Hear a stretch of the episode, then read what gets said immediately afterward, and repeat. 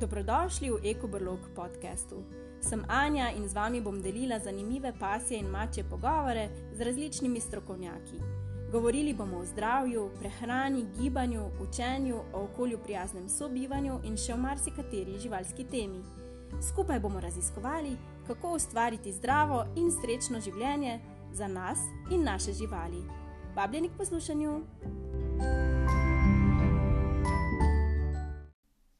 Dolgem premoru vas ponovno pozdravljam v novi epizodi EkoBlog podcasta.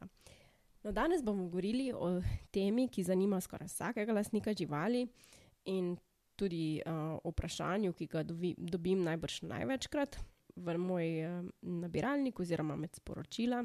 In to je, katera hrana je najboljša za mojo žival. Ko gre za hrano naših živali, uh, se namreč veliko ljudi zanaša na mnenja in priporočila drugih. To je lahko res zelo uporabno, kadar se tisti drugi, ki ga sprašujemo, res pozna na prehrano živali. Ampak poleg tega mora poznati tudi potrebe tvojega psa, tvoje časovne in finančne zmožnosti in konec koncev tudi tvoje življenjske nazore in filozofijo. No, zato se mi zdi dobro, da bi se vsak naučil sam oceniti kakovost in primernost določene hrane za svojo lastno žival in za svoje lastno gospodinstvo in svoj lasten žep, seveda. Um, no, ocenjujemo predvsem biološko dostopnost oziroma primernost hrane, stopnjo procesiranja, ki jih je hrana podvržena, in konec koncev, seveda, tudi izvor hrane in sestavin v njej. No, ta zadnji del je pogosto zanemarjen, ampak bi si upala trditi, da je skoraj najpomembnejši. No, ko izbiramo hrano za našo žival, razmislimo, kako sledeči faktori vplivajo na našo odločitev, tudi, kader kupujemo hrano zase, v bistvu uh, vse te stvari nekako ocenjujemo, zavestno ali podzavestno. In v končni fazi uh, lahko enako nanašamo tudi na hrano za naše živali. Torej, uh, vse te faktore lahko um, ocenjujemo pri določeni hrani, in nekateri faktori bodo za nas bolj pomembni kot za nekoga drugega, medtem ko bodo drugi, recimo, mogoče skoraj zanemarljivi, drugemu pa se bodo zdeli zelo pomembni. No, pa kar pogledamo, kateri faktori so to. Prvi je transparentnost proizvajalca. Torej, koliko je um, proizvajalec odkrit o tem, kakšno hrano proizvaja, odkot so sestavine, kakšna, uh, kakšna živila so uporabljena, uh, in tako naprej. Oziroma, vse, kar nas zanima, uh, kar v bistvu nekako hran, uh, proizvajalec tudi bom rekla, promovira, mora biti nekako res utemeljeno, čisto odkrito, razloženo. A, če ne, si lahko mislimo, da nekaj skriva, oziroma da pač nekaj ni tako, kot bi nam bilo všeč, a, če bi vedeli vse podatke, če bi bili nam znani vse, vsi podatki. A, torej, naslednji faktor je cena. Seveda, žal, a, se večina ljudi mora ukvarjati tudi s tem faktorjem da nekako najde hrano, ki je tudi cenovno primerna za njegove trenutne finančne zmožnosti. Um, potem tretja stvar je seveda okusnost oziroma palatabilnost. Uh, lahko mi kupimo najboljšo hrano, pa če naš kuža ne bo hotel jesti, nismo nič kaj dobrega naredili. Tako da moramo vedno upoštevati tudi ta faktor.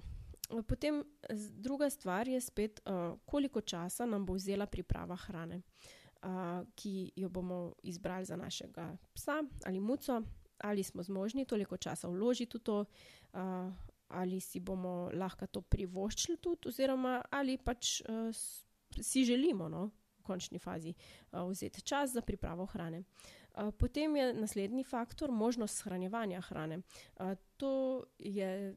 Tu gre predvsem za recimo zmrznjeno hrano oziroma sveže prihranjeno hrano, ki jo potem shranjujemo v zmrzovalniku. Ali imamo dovolj velik zmrzovalnik, dovolj prostora za shranjevanje. Tudi to je en faktor, na katerega moramo pomisliti. Potem naslednji je, ali hrana vsebuje gensko spremenjene organizme. O tem bi lahko celo epizodo posneli, mogoče pa bomo. Ampak en tak faktor, a vam je to pomembno, ali hrana vsebuje gensko spremenjene organizme ali ne, na to ste lahko pozorni.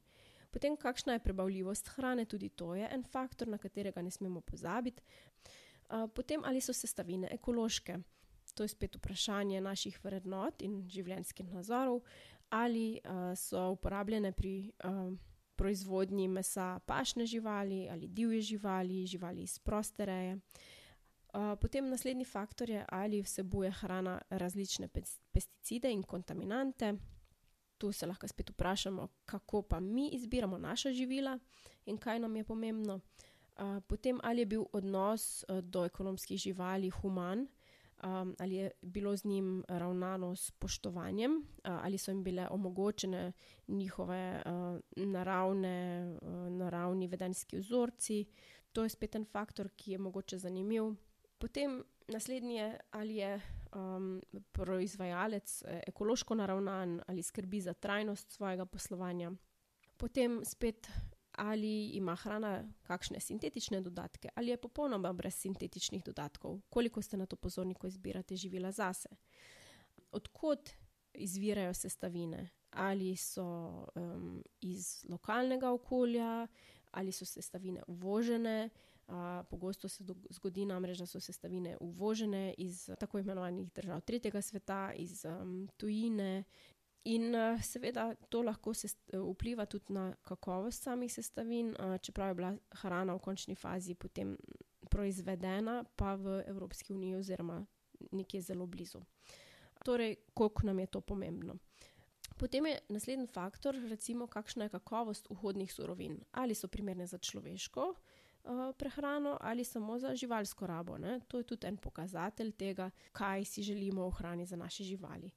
Uh, potem, kolikšna je po, količina posameznih hranil v hrani, se pravi, tu govorimo o beljakovinah, oglikovih hidratih, maščobah, predvsem o tej analitski ne, sestavi, ali nam je to pomembno, se na to oziramo ali ne. Ne? To se lahko vprašamo, ali bomo na to sploh pozorni ali ne.